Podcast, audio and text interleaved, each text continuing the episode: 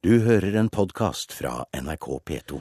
Og i dag åpner SV sitt landsmøte på Lillestrøm. Programleder for Politisk kvarter Bjørn Myklebust. Partileder Audun Lysbakken kjemper mot sperregrensa og mot Siv Jensen. Ja, Lysbakken vil stanse Fremskrittspartiet, som vil inn i regjering til høsten. Men hva med han selv? Vil han inn i regjeringen igjen?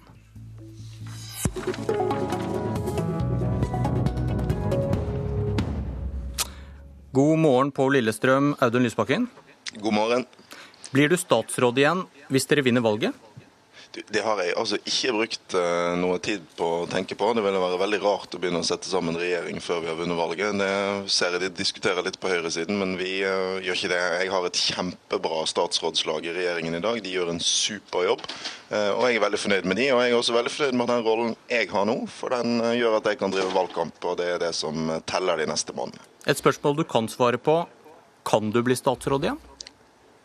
Men Det er en litt sånn uinteressant diskusjon. Det kan jeg selvfølgelig, men jeg er ikke interessert i å gjøre endringer i eh, vårt lag nå. Så hvis vi vinner valget, så får vi diskutere hvem som skal sitte i regjering. Men det er jo ikke det viktige spørsmålet. Det viktige spørsmålet er hva slags politikk vi skal føre.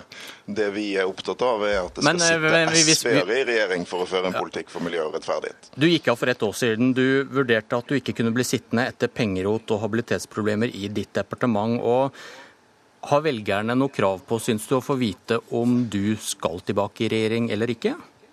Etter det som jeg skjedde? Stiller, jeg stiller til valg uh, til eh, Stortinget. De som ønsker å stemme på meg, de har anledning til å gjøre det. Det var ingenting i den saken som uh, skal gjøre at jeg ikke er egnet til å være en god folkevalgt for folk i Hordaland. Jeg tok ansvar for feil som ble begått, men jeg står helt inne for det vi gjorde.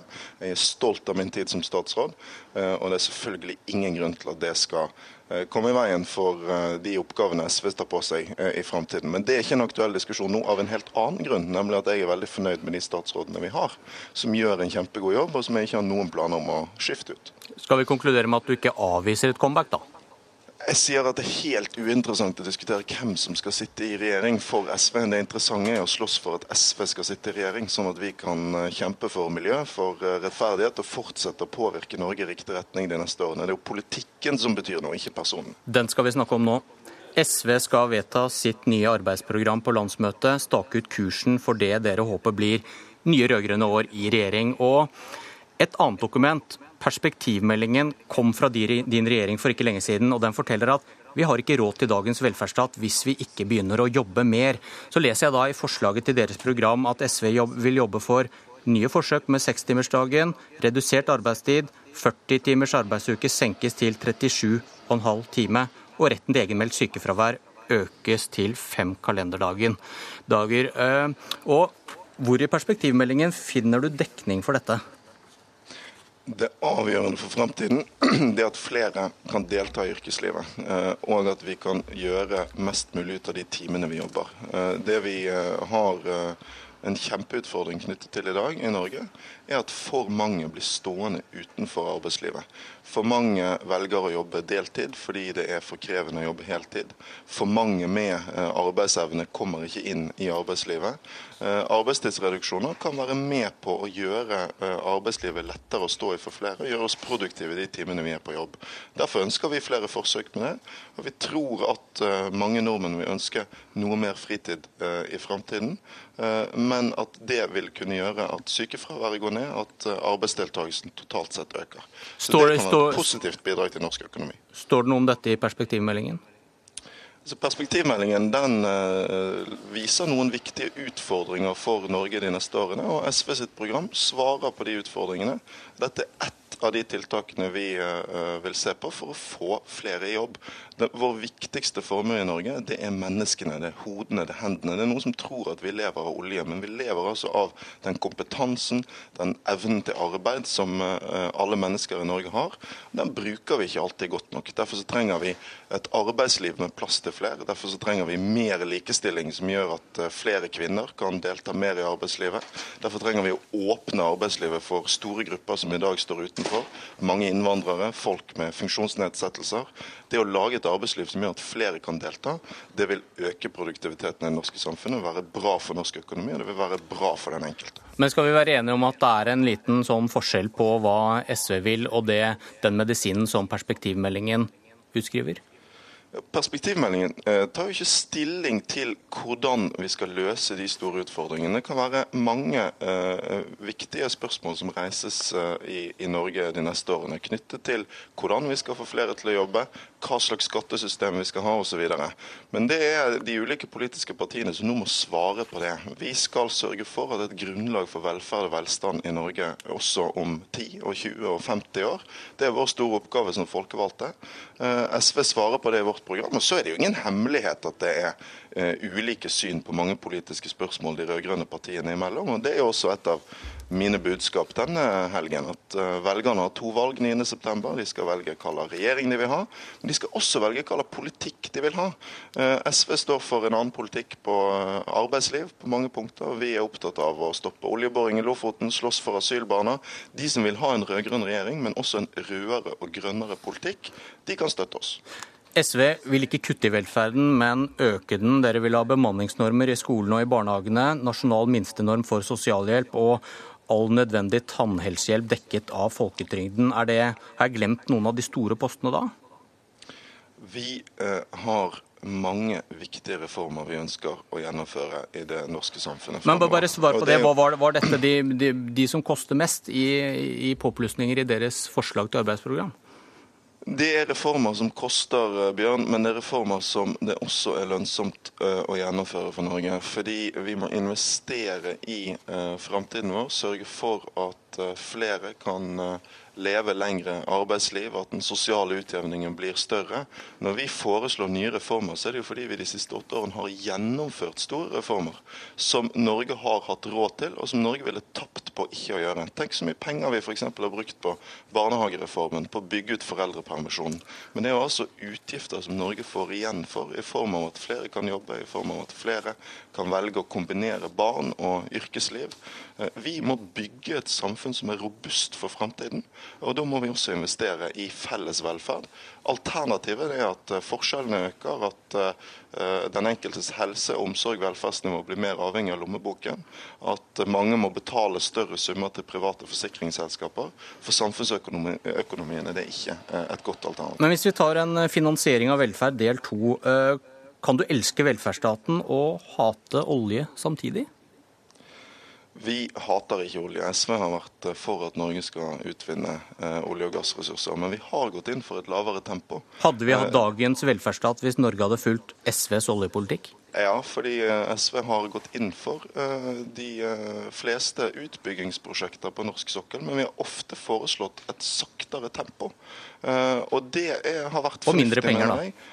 Nei, å ta ut pengene mer over tid. For det vi i dag ser, som er en stor utfordring, er at for det første så kan vi ikke bruke alle pengene vi tar opp. Mye av det går inn i oljefondet. Men hvis man tar andre, ut uh, penger over ja, Hvis jeg får lov å svare på spørsmålet litt, så skal jeg gjøre det. Det andre ja. vi ser, er at vi ser en usunn todeling av norsk økonomi. Der det går så fort rundt i olje- og gassektoren at det går utover annet næringsliv og presser kostnadene opp. Derfor så har vi faktisk mye å hente på å bremse tempoet og skape rom for de Eh, eh, arbeidsplassene, den næringsutviklingen, den teknologiutviklingen vi trenger i fremtiden. Alle hender, hoder, all kompetanse, alle de store pengene kan ikke gå til olje og gass. Men som dere har sagt i mange år, og som du også sier nå, hvis tempoet skal ned, og pengene da, eh, uttaket smøres ut over flere år, da blir det jo mindre penger til den velferden dere ønsker, og som dere skal vedta nå i helgen, da? Nei, det blir ikke det. Fordi det som skjer i dag, er altså at vi risikerer å få et så høyt tempo i olje- og gassektoren at det presser kostnadene i andre deler av samfunnet, også i det offentlige, opp. Det må vi unngå. Så må vi sikre oss at vi har et næringsliv som kan gi inntekter til velferdsstaten også i fremtiden. Min kanskje største bekymring på Norges vegne, det er om vi makter å være tidlig ute med den omstillingen som skal til. I løpet av dette århundret så skal klimautslippene drastisk ned. Det betyr at vi må omstille oss til et næringsliv basert på det.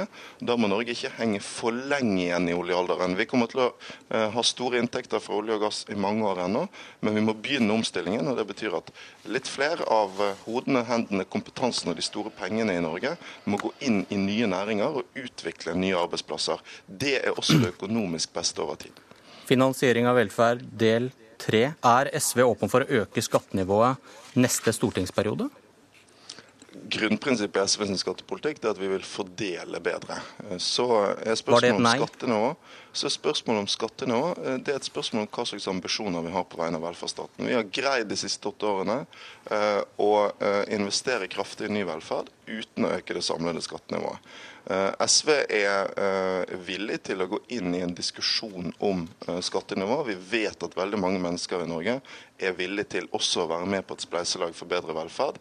Men om vi nå skal øke skattenivået eller ikke, gå inn for det, det er en diskusjon partiet skal ha etter at vi nå har vedtatt det programmet, der vi slår fast våre ambisjoner for, for velferdsstaten. I Men... alle tilfeller så er det viktigste spørsmålet Eh, i skattepolitikken for den enkelte, jo ikke det samlede skattenivået, men hvem som skal betale mest. Der ønsker vi at de rikeste skal betale mer, mens de som tjener lite, bør få mindre skatt. For da blir det også mer fristende for de som tjener lite, å jobbe mer. Men hvis vi skal ta retorikken mot høyresiden, da. Hvis skattekutt er kutt i velferd, så må vel skatteøkning innebære økt velferd til f.eks. tannhelsereform og bemanningsnormer?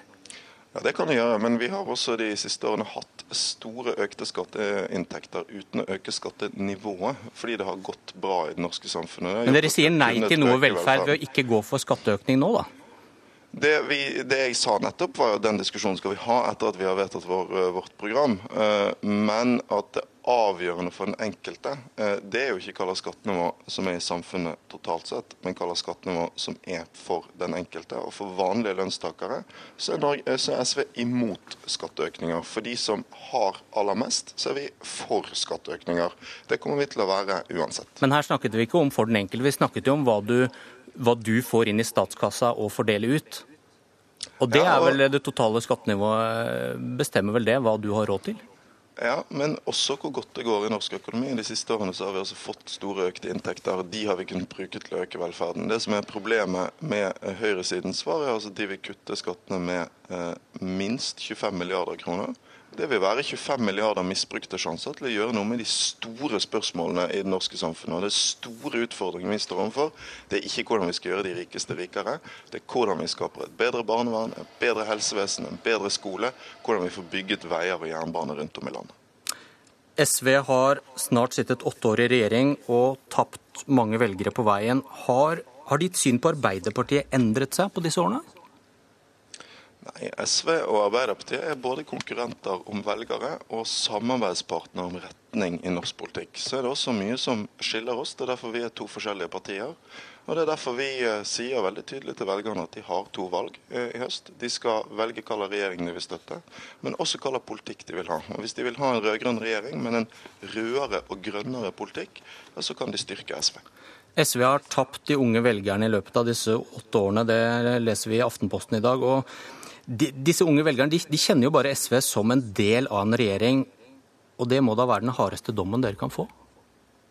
At de forlater Nei, det jo, det er jo uh, fantastisk at SV har sittet i regjering i åtte år, uh, lenger enn det Høyre noen gang har gjort sammenhengende.